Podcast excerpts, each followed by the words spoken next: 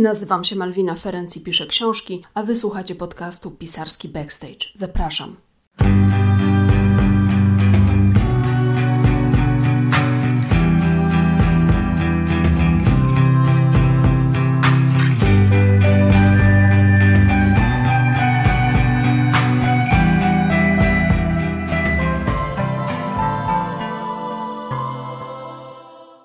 Cześć czołem, witajcie. Nazywam się Malwina Ferenc. Mówcie o mnie rzemieślnik słowa, o sobie też tak mówię.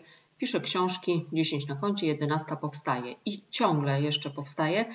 No ale mam już blisko 400 tysięcy znaków, a to niechybny znak, że zbliżam się do mety. Wyznaczyłam sobie taki deadline i jest ogromna szansa, że się w nim y, zmieszczę. Trzymajcie kciuki. W tym podcaście mówię o szeroko pojętym zapleczu pisania książek, zerkam od strony zarówno pisarza, jak i czytelnika. Mówię o tym, jak od kuchni wygląda bycie twórczynią oraz o tym, co w ogóle na rynku wydawniczym piszczy. No i w ramach wisienki na torcie dzielę się odczuciami po ostatnio przeczytanych książkach, zarówno odczuciami pozytywnymi, jak i negatywnymi. Witajcie w 28 odcinku podcastu.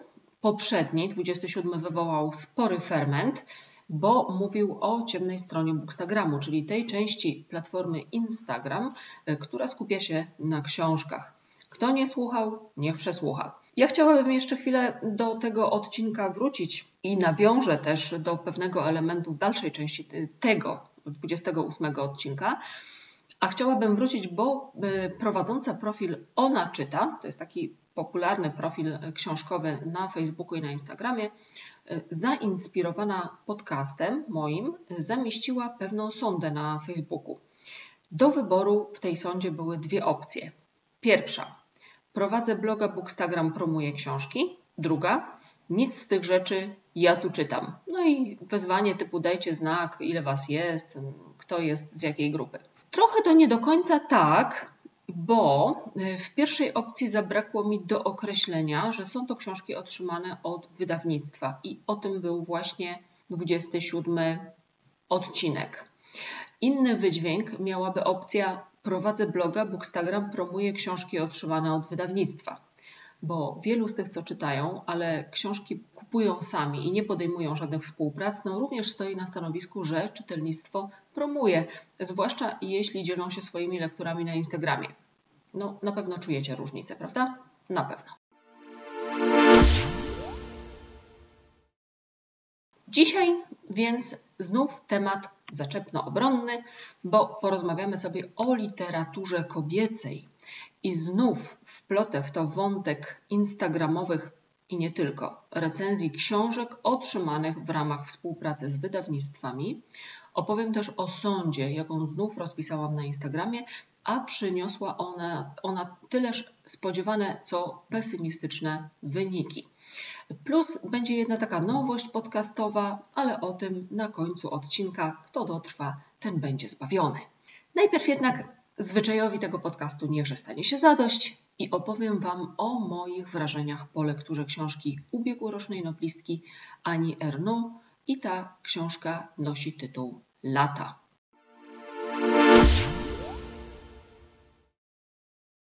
Ani Erno Lata. Mówiłam Wam kiedyś, że moim postanowieniem noworocznym na tamten rok było przeczytanie przynajmniej po jednej książce każdej z noblistek.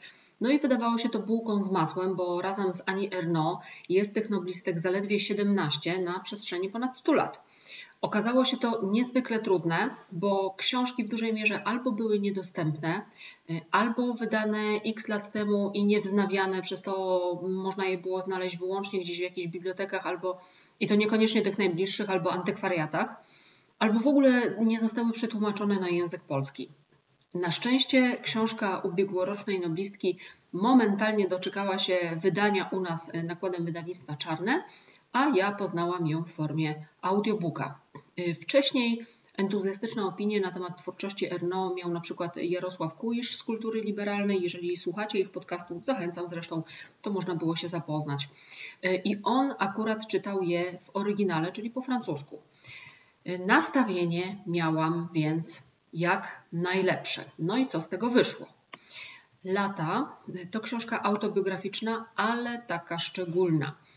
Trochę jest to pamiętnik, ale nie do końca, bo autorka cytuje fragmenty pamiętnika rzeczywiście przez siebie prowadzonego i przez to mm, odnosi się takie wrażenie, że choć odsłania przed czytelnikiem bardzo dużo, to to i tak nie wszystko. Wspomnienia, refleksje, przemyślenia, podsumowania poszczególnych okresów życia, uwagi napisane są szczególnie, bo w trzeciej osobie i to w większości z użyciem form bezosobowych, na przykład mówiło się, zrobiono i tak dalej, choć przez cały czas to pisanie jest w odniesieniu do jednej osoby, czyli mm, autorka cały czas pisze w odniesieniu do siebie, używając właśnie tych e, trzecioosobowych e, form czy też e, bezosobowych. No i daje to podwójny efekt. Po pierwsze, pomimo wnikania w bardzo intymne momenty życia autorki, nie mamy poczucia zażenowania, że ktoś odsłonił się zbyt mocno. No jakie to są momenty? Na przykład dokonanie nielegalnej aborcji, albo informacja o romansie z mężczyzną młodszym o prawie 30 lat, y, albo sposób, w jaki patrzy na swoje ciało, nagie ciało i opisuje je ze szczegółami. No więc tutaj przy narracji pierwszoosobowej mielibyśmy pewnie takie poczucie ups, ała, powinnam odwrócić wzrok, ale nie mam jak. A dzięki tej narracji trzecioosobowej i bezosobowej właściwie autorka w pewien sposób wychodzi ze swojego ciała i patrzy na siebie zupełnie z zewnątrz, jak na obiekt badawczy. I to jest fascynujące wrażenie, naprawdę. I drugi efekt użycia tej y, szczególnej narracji to mm, ustawienie autorki w szeregu razem z innymi osobami z jej pokolenia, a także na tle w ogóle pokoleń innych i starszych i młodszych. I w ten sposób ona sama staje się elementem rozwoju społeczeństwa. Ma się wrażenie, że czynnie uczestniczy w historii, że jest nie tylko przedmiotem działań historii, ale ich podmiotem, bo sama je kreuje razem z innymi ludźmi. No i tutaj mam na myśli na przykład jej udział w manifestacjach.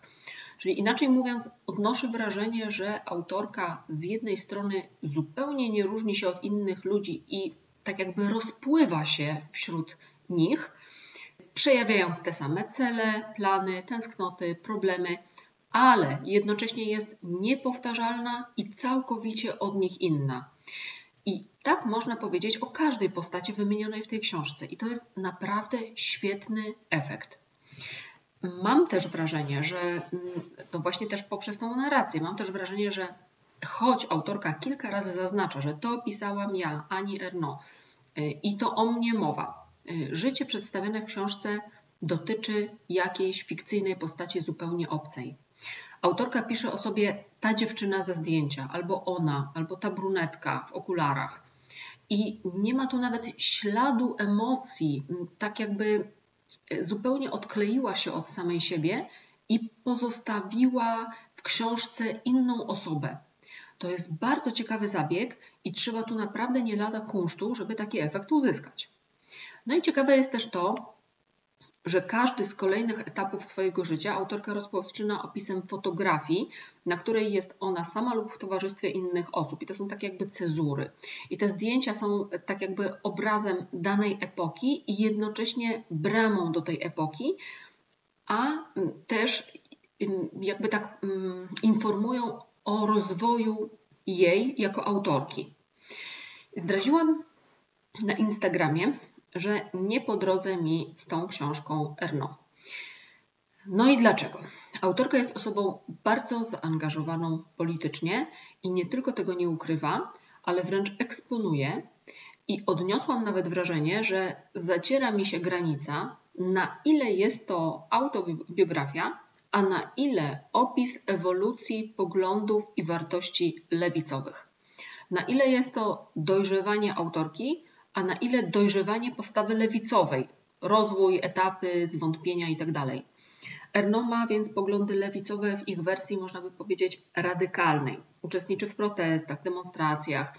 Y, pisze, że płakała, gdy musiała głosować na Chiraca, bo alternatywą było głosowanie na Le Pena, czyli jeszcze gorzej, prawda? A lewicowy kandydat odpadł w pierwszej turze wyborów prezydenckich, no i do drugiej tury przeszedł tylko Chirac i Le Pen.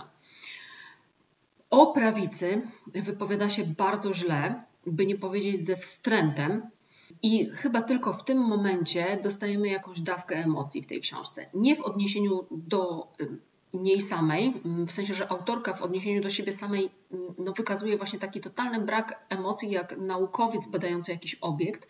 Natomiast w tym przypadku te emocje są. Tylko, że to jest taki podział czarno-biały na dobrych i złych. My lewica dobrzy, a tamci prawica to źli i tylko lewica da wam zbawienia. Coś w tym stylu. No, nie wiem jak wy, ale ja w tym widzę sporo takiej naiwności politycznej i mm, nie ukrywam, że przeszkadza mi taki dyskurs. Choć to nie znaczy, że mam poglądy prawicowe. Nieważne zresztą, jakie mam. Natomiast takie y, patrzenie na świat bez odcieni szarości, tylko czern i biel, no mocno mi nie pasuje. Poza tym jest też tak, że Lata to książka na wskroś francuska i opisuje francuską rzeczywistość, dlatego tam lewica oznacza też coś innego niż u nas, bo inna była geneza tej lewicy i jej losy też były inne. I francuska rzeczywistość oznacza też konsekwencje kolonializmu, arabskich imigrantów, no i wszystko to, co jest obce rzeczywistości polskiej. Ponieważ no, historię Francji, również tą najnowszą, znam słabo, no to sporo zjawisk pozostawało dla mnie niejasnych i mm, na pewno nie poruszały mnie tak, jak poruszały autorkę. No i nie czułam tego po prostu, nie czułam i może to też być powód, dla którego ta książka do mnie nie przemówiła, choć z całą pewnością jest to kawał świetnej literatury. Przeczytajcie sami, książka jest zresztą bardzo krótka. Podobno Erno jest znana z takiej właśnie krótkiej prozy, krótkiej, a treściwej i rzeczywiście tam nie ma, absolutnie nie ma żadnego wrażenia rozwlekłości, czy mm, przegadania, czy czegoś w tym stylu. Wszystko jest naprawdę, miałabym, mm, mogłabym powiedzieć, z aptekarską dokładnością poddane analizie y, i jest to analiza taka pełna. Więc przeczytajcie. Ja na pewno sięgnę po jeszcze jakąś inną y, książkę y, Ani Erno, mm, bo podobno dwie zostały przetłumaczone na język polski wcześniej, więc którąś z tych dwóch po prostu y, wezmę.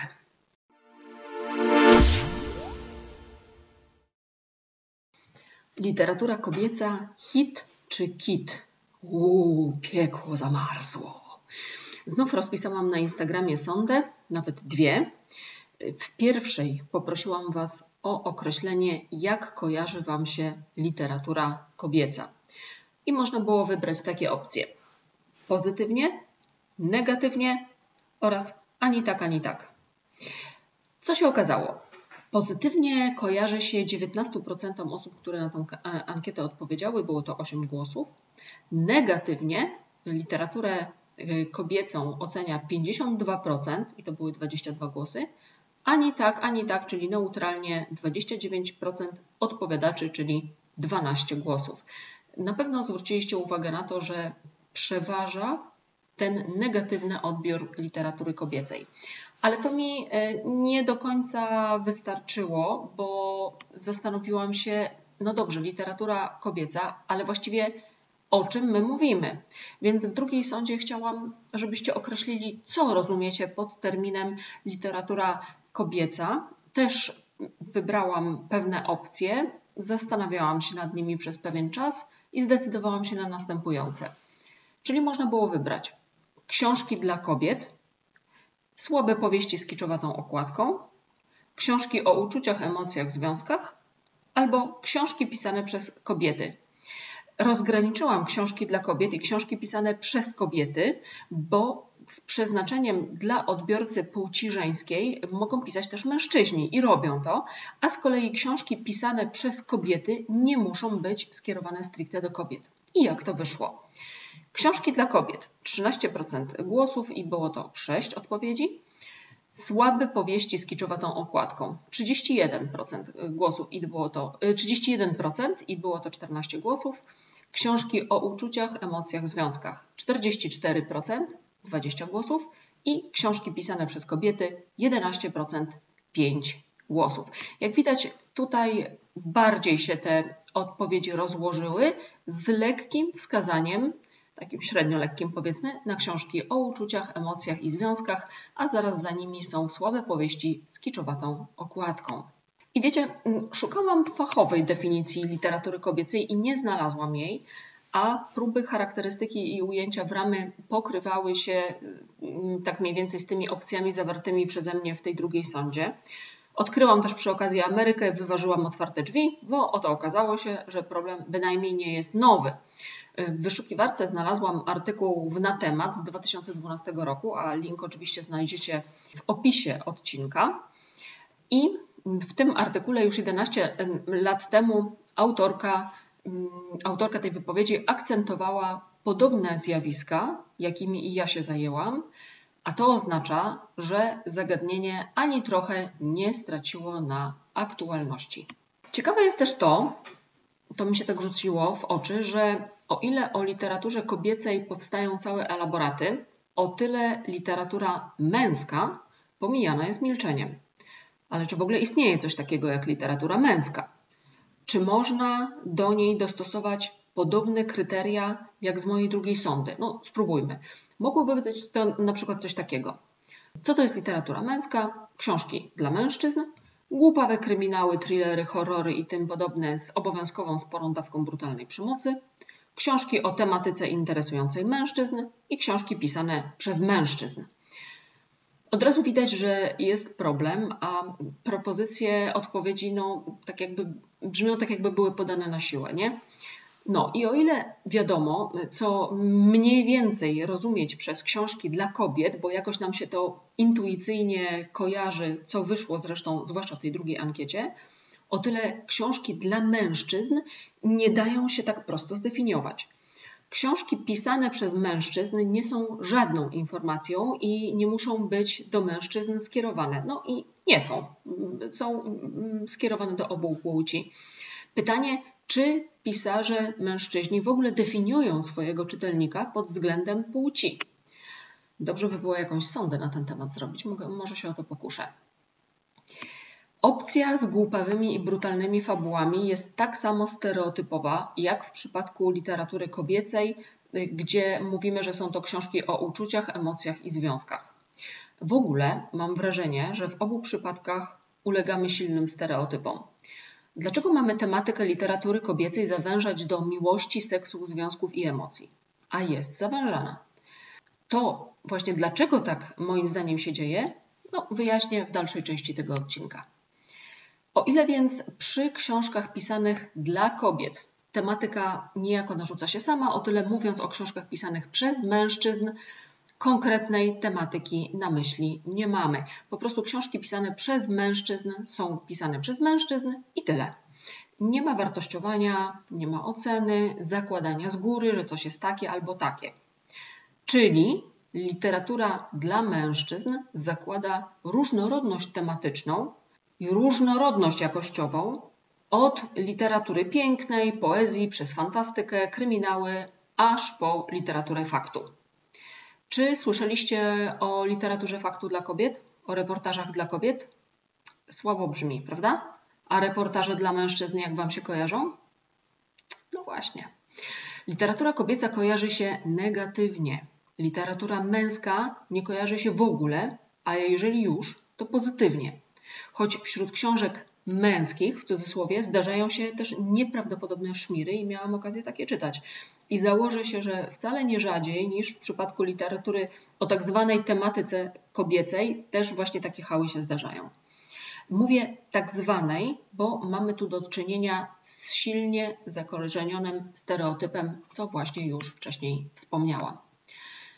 A przecież literatura kobieca tak naprawdę przedstawia sobą nieprawdopodobnie szeroki przekrój gatunków i tematów. Znajdziemy tu i jakieś tam harlekiny, ale i książki noblistek, powieści obyczajowe i kryminały, i ogólnie literaturę popularną i literaturę piękną. Daje się jednak zauważyć silna potrzeba bliższego określenia, co to znaczy, że literatura jest dla kobiet i jest na to proste wyjaśnienie oprócz tych stereotypów. Wspomniała o nim Karolina Sulej w swoim artykule na temat, a potwierdzenie tej tezy znajdziemy w najnowszym raporcie czytelnictwa Biblioteki Narodowej. Otóż kobiety czytają częściej i więcej niż mężczyźni. No, przykro mi panowie, zimna statystyka. To oznacza, że one częściej kupują książki. Określenie więc odbiorcy kobiecego, takie zdefiniowanie go, nadanie mu konkretnych cech, zwiększa szanse sprzedaży, bo można coś przygotować pod ten właśnie target. I dzisiaj właśnie to ma ogromne znaczenie. I cytowana w tamtym artykule Sylwia Hutnik wspomniała, że y, istniał umowny podział na, y, w cudzysłowie, literaturę kobiecą, w sensie taką, jak ją potocznie rozumiemy, czyli traktującą o emocjach, związkach, uczuciach, oraz na literaturę dla kobiet, czyli taką, która ma ciężar literacki. I tu wymieniała na przykład y, powieści Olgi Tokarczuk. No i ja nie do końca się z tym zgadzam, bo uważam, że akurat Tokarczuk nie pisze tylko dla kobiet, pisze dla wszystkich. Jeśli już, to powinniśmy mówić nie o książkach dla kobiet, a o książkach właśnie pisanych przez kobiety, no, które by miały te książki ten ciężar literacki. Do worka z pojęciem literatury kobiecej wrzucono więc zarówno kiczowate romansidła, jak i literaturę stojącą na najwyższym światowym poziomie, której autorkami są kobiety. I dzieje się tak ze szkodą dla tych ostatnich. No i właśnie dlaczego tak się dzieje? Dlaczego dzisiaj literatura kobieca jest rozumiana jako kit, a nie hit? I to będą, będzie kilka takich punktów. Wszystkie je przejdziemy, nad ostatnim skupię się szczególnie. Punkt pierwszy, pierwsza przyczyna moim zdaniem jest taka, że jest to jakieś pokłosie patriarchatu. Kobiety do garów, od twórczych działań są mężczyźni, kobiety są głupsze, więc jeśli coś stworzą, to są to rzeczy głupsze. Szklany sufit w różnych dziedzinach. Dobrze, punkt drugi. Stereotypowe zawężenie tematyki służące wyodrębnieniu najliczniejszej grupy odbiorców i kierowania do nich tego, czego oczekują. Emocje dzisiaj sprzedają. Emocje biorą. Dlatego promuje się i szczególnie, szczególnie wspiera książki, które wzbudzają silne emocje, powodują drżenie serca. Dlatego też, ponieważ zalew tego typu literatury jest potężny, właśnie zalew tej literatury emocjonalnej, emocjonalnej, a najczęstsze emocje dotyczą właśnie miłości, związków, straty itd. Tak I najczęściej autorkami takich książek są kobiety. W ten sposób wzmacnia to stereotypowe zawężenie tej tematyki wyłącznie do miłości, związków i tego typu spraw. Trzecia rzecz. Obecna na rynku wydawniczym ogromna ilość literatury popularnej, wydawanej pospiesznie, a zatem bez należytej redakcji, bez opieki redaktora nad procesem twórczym autora czy autorki, też odnosi swój skutek. Przeniesienie środka ciężkości na sprzedawalność, a nie na jakość utowarowienie literatury. Ja to powtarzam z uporem maniaka i do znudzenia. Utowarowienie literatury, czyli książka to jest mniej więcej to samo co nowy telefon i przede wszystkim ma się sprzedać i to jest główne kryterium wyboru. Jakość jest rzeczą wtórną. Stąd inwazja badziewia, którego nie da się nazwać literaturą, a które jednak ma duży potencjał sprzedażowy, bo wracam do punktu drugiego, emocje sprzedają. Książka wzbudzająca silne emocje wcale nie musi być dobra. Ona po prostu wzbudza silne emocje, a zatem niesie z sobą duży potencjał sprzedażowy.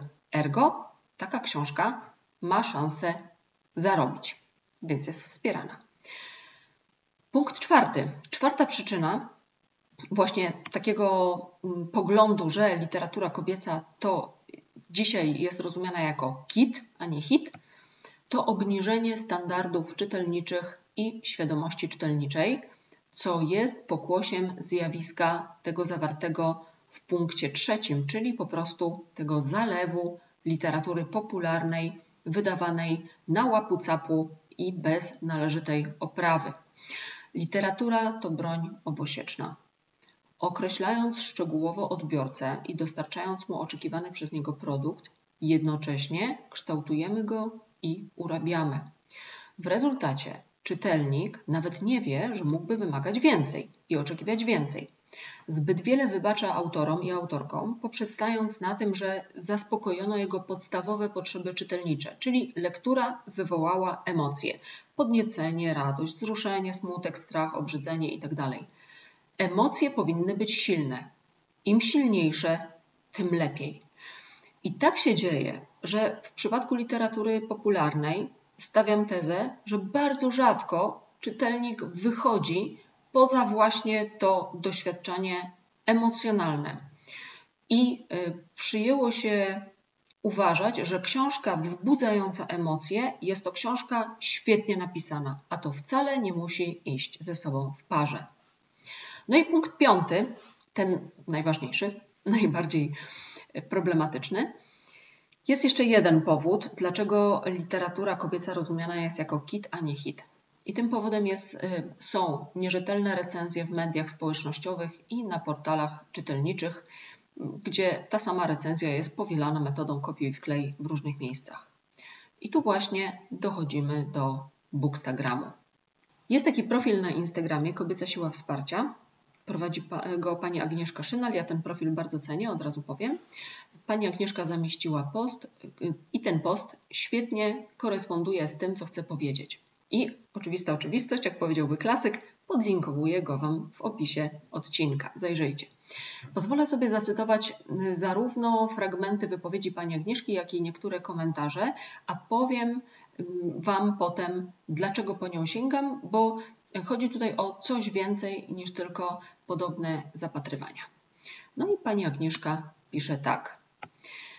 Chcę też mieć pewność, że czytanie jest dla mnie dziedziną absolutnej wolności i jeśli czemuś tu ulegam, to tylko i wyłącznie własnym książkowym zachciankom, a nie chociażby prostej dostępności. W nawiasie mam książkę w prezencie, więc ją czytam. Dlatego zdecydowałam, że od teraz nie będzie już na tym koncie żadnych książek, które dostałam w ramach współprac. W nawiasie dokończę tylko to, na co już się zgodziłam, jak zawsze oznaczę zgodnie z wytycznymi UOKiK. Dalej pani Agnieszka. Żeby było jasne, to moja w pełni osobista decyzja. W pełni rozumiem zasadność takich współprac dla obu stron. Sama pamiętam, jak ekscytowałam się pierwszą otrzymaną od wydawnictwa pozycją. Zwyczajnie przede mną sporo pracy, a moja sytuacja pozwala mi samodzielnie kupować sobie książki. W nawiasie dużo też korzystam z Legimi. Więc uznałam, że dobrze będzie odciąć różne pożeracze czasu i pisać na tym profilu niezależnie od wszelkich kalendarzy wydawniczych. Pewnie będzie więcej starszych tytułów, zwłaszcza, że Bookstagram jest tu ogromną inspiracją w dziedzinie literatury kobiet, a zależy mi na tym, żeby męski głos literacki, który zagnieżdżał się w mojej głowie przez pierwsze 30 lat życia, uzupełnić silnymi narracjami kobiecymi. To jest wypowiedź pani Agnieszki. No i oczywiście zapytała też, co inni sądzą na ten temat. Posypały się komcie. Zacytuję je Wam. Znaczy, oczywiście nie w całości, bo w większości są bardzo długie, ale te istotne fragmenty. Użytkownik Nina Igielska pisze tak. Obok recenzji dobrze opracowanych pojawiają się więc te pisane na podstawie informacji z okładki i domysłów, czego efektem są zawiedzeni czytelnicy, którzy spodziewali się thrillera, horroru, erotyka, a dostali na przykład literaturę piękną lub odwrotnie – i samych autorów, którzy potem w wywiadach nieśmiało próbują sprostować i wyjaśnić, co właściwie napisali. Dalej mm, Nina Igielska pisze tak. Niestety w aktualnej sytuacji rynku wydawcy muszą pokazać książkę jak największej ilości potencjalnych czytelników, żeby nie zniknęła w zalewie nowości. Tu niestety często ważniejsze jest zdjęcie od samej opinii. Nadzieja w czytelniku, który często potrafi odróżniać opinię szczerą od reklamy. Efemeryczność chwil napisała w ten sposób. Najważniejsze to czytać w zgodzie z sobą i dobrze wybierać lektury. Zrozumieć, że nie da się wszystkiego przeczytać, do czego i ja w końcu dojrzałam. Mikroczytelnia. Jako odbiorczyni literatury powiem szczerze, że nie przeszkadza mi, czy lektura jest ze współpracy, chociaż przyznam, że rzadko widuję negatywne recenzje ze współprac. Prozaiczna poezja. Nie mam możliwości finansowych, żeby co miesiąc kupować nowe książki, dlatego współprace są dla mnie fajną szansą na przeczytanie nowości. Ale tak jak napisałam, chcę dobierać je rozsądnie i przemyślanie. Weronika Nawrocka. Najgorsze dla mnie są profile oparte tylko na nowościach i darmowych książkach, a pod zdjęciem jedyne co można znaleźć to opis wydawcy. Tyle to sobie mogę sprawdzić w Google, nie potrzebuję do tego Bookstagramu. Więcej kultury. Pierwsze propozycje współpracy wydały mi się docenieniem tego, w jaki sposób prowadzę swój profil. I to była naiwność, bo tutaj chodzi tylko o promocję i akcję marketingową. Mariuszowe lektury. Staram się zachować równowagę między tym, co dostaję, a tym, co czytam z własnego wyboru, by nie stać się słupem reklamowym. No i wypowiedzi było jeszcze sporo i choć zdarzały się i takie w innym klimacie, na przykład nie widzę problemu, to w ogromnej większości dało się zauważyć przesyt i zmęczenie taką presją rodem z olimpiady, żeby szybciej, wyżej, mocniej. Wypunktowano też kilka ważnych spraw. Po pierwsze, sztucznie zawyżane opinie w książkach od wydawnictw. No, skoro jest tyle głosów o doświadczeniu miernoty, to dlaczego wszystkie recenzje są pozytywne, a ze świecą szukać negatywnej, nawet jeśli dotyczy książki żenująco słabej? O tym właśnie było w poprzednim odcinku. Druga rzecz, taśmociąg recenzencki.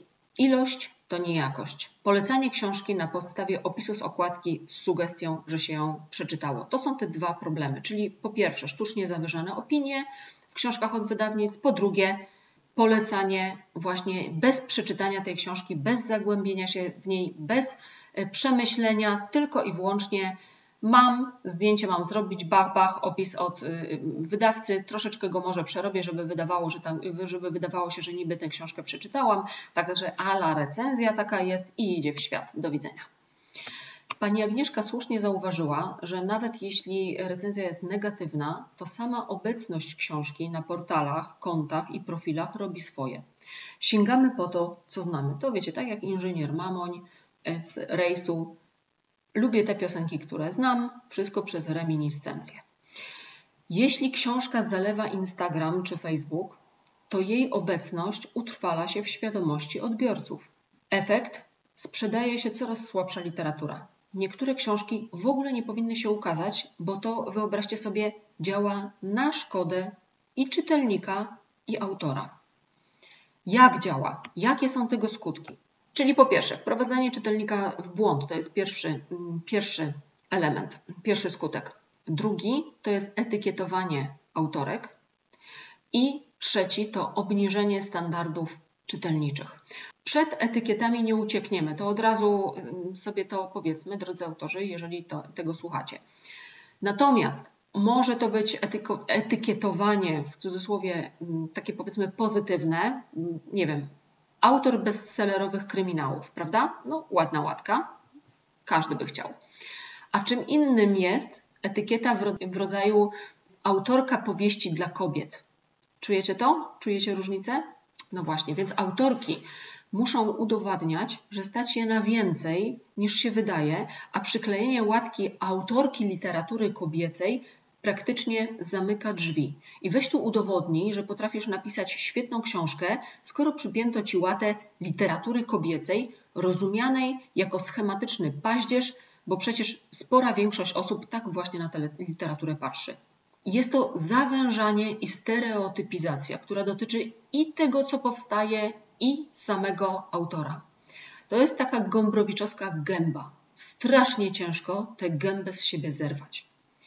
Ogromna szkoda jest też dla literatury pięknej, pisanej przez kobiety, bo jest to spychanie jej na margines.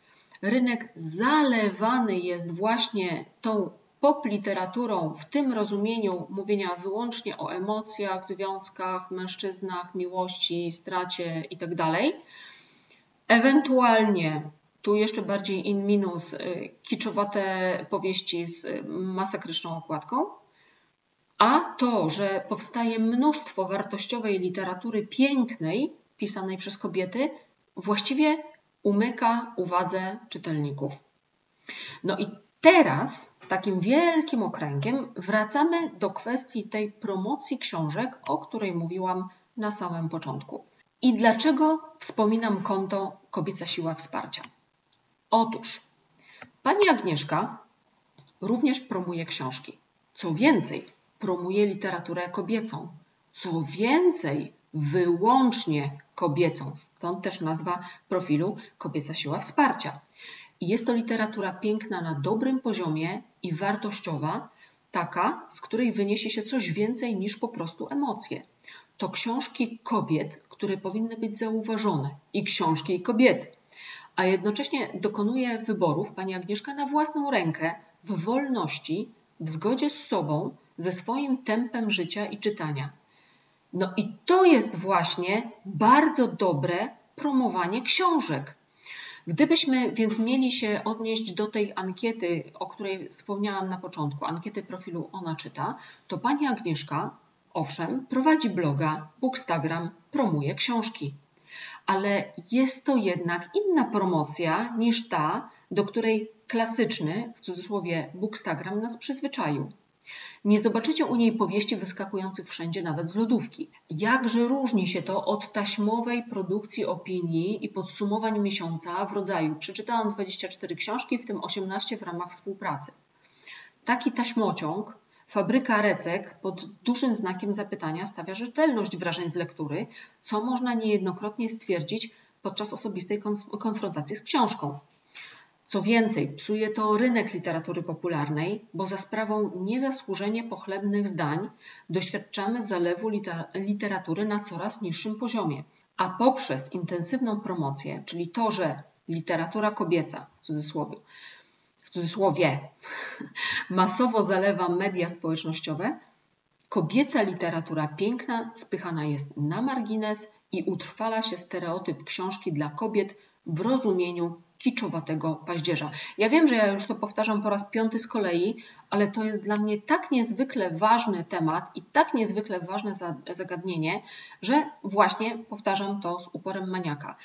No i na koniec ta właśnie nowość, o której wspomniałam na początku tego odcinka. Koleżanka postindustrialna, postindustrialna to jest nazwa profilu na Instagramie. Obserwujcie ten profil, a przynajmniej na niego wejdźcie, nie zawiedziecie się, gwarantuję Wam to. Więc moja koleżanka zaproponowała, żebym takim rzetelnym, solidnym bookstagramerom przyznawała odznakę. No więc będę to robić. I wyróżnienie nazwałam Ja tu książki mam, bo wiecie, to jest takie nawiązanie do misia. Pewnie pamiętacie tę scenę z kioskiem, że y, tam baba mówi, tu jest kiosk ruchu, ja tu mięso mam. No to więc właśnie, ja tu książki mam. Więc odznaka, nagroda, ja tu książki mam. Wyróżnienie, ja tu książki mam. A zatem Panteon Sław, wyróżnionych odznaką, ja tu książki mam, otrzymuje, tadam, tadam, co za zaskoczenie, kobieta, kobieca siła wsparcia za świetne promowanie literatury kobiecej i wyrywanie jej ze szkodliwych stereotypów, a także za ogólną postawę wyrażoną w poście, który zacytowałam.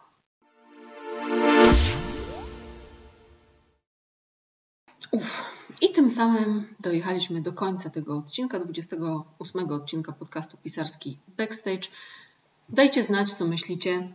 Jeżeli Wam się podoba to, co robię, polećcie mój podcast, powiedzcie o nim znajomym, zaobserwujcie, nie umkną Wam żadne nowe odcinki, będziecie o nich powiadomieni. Kliknijcie gwiazdkę tam, gdzie się da kliknąć gwiazdkę. W ten sposób ocenicie mój podcast i pomożecie mi dotrzeć do innych. I cóż, widzimy się, słyszymy się w kolejnym odcinku podcastu Pisarski Backstage już za dwa tygodnie. Pa! Música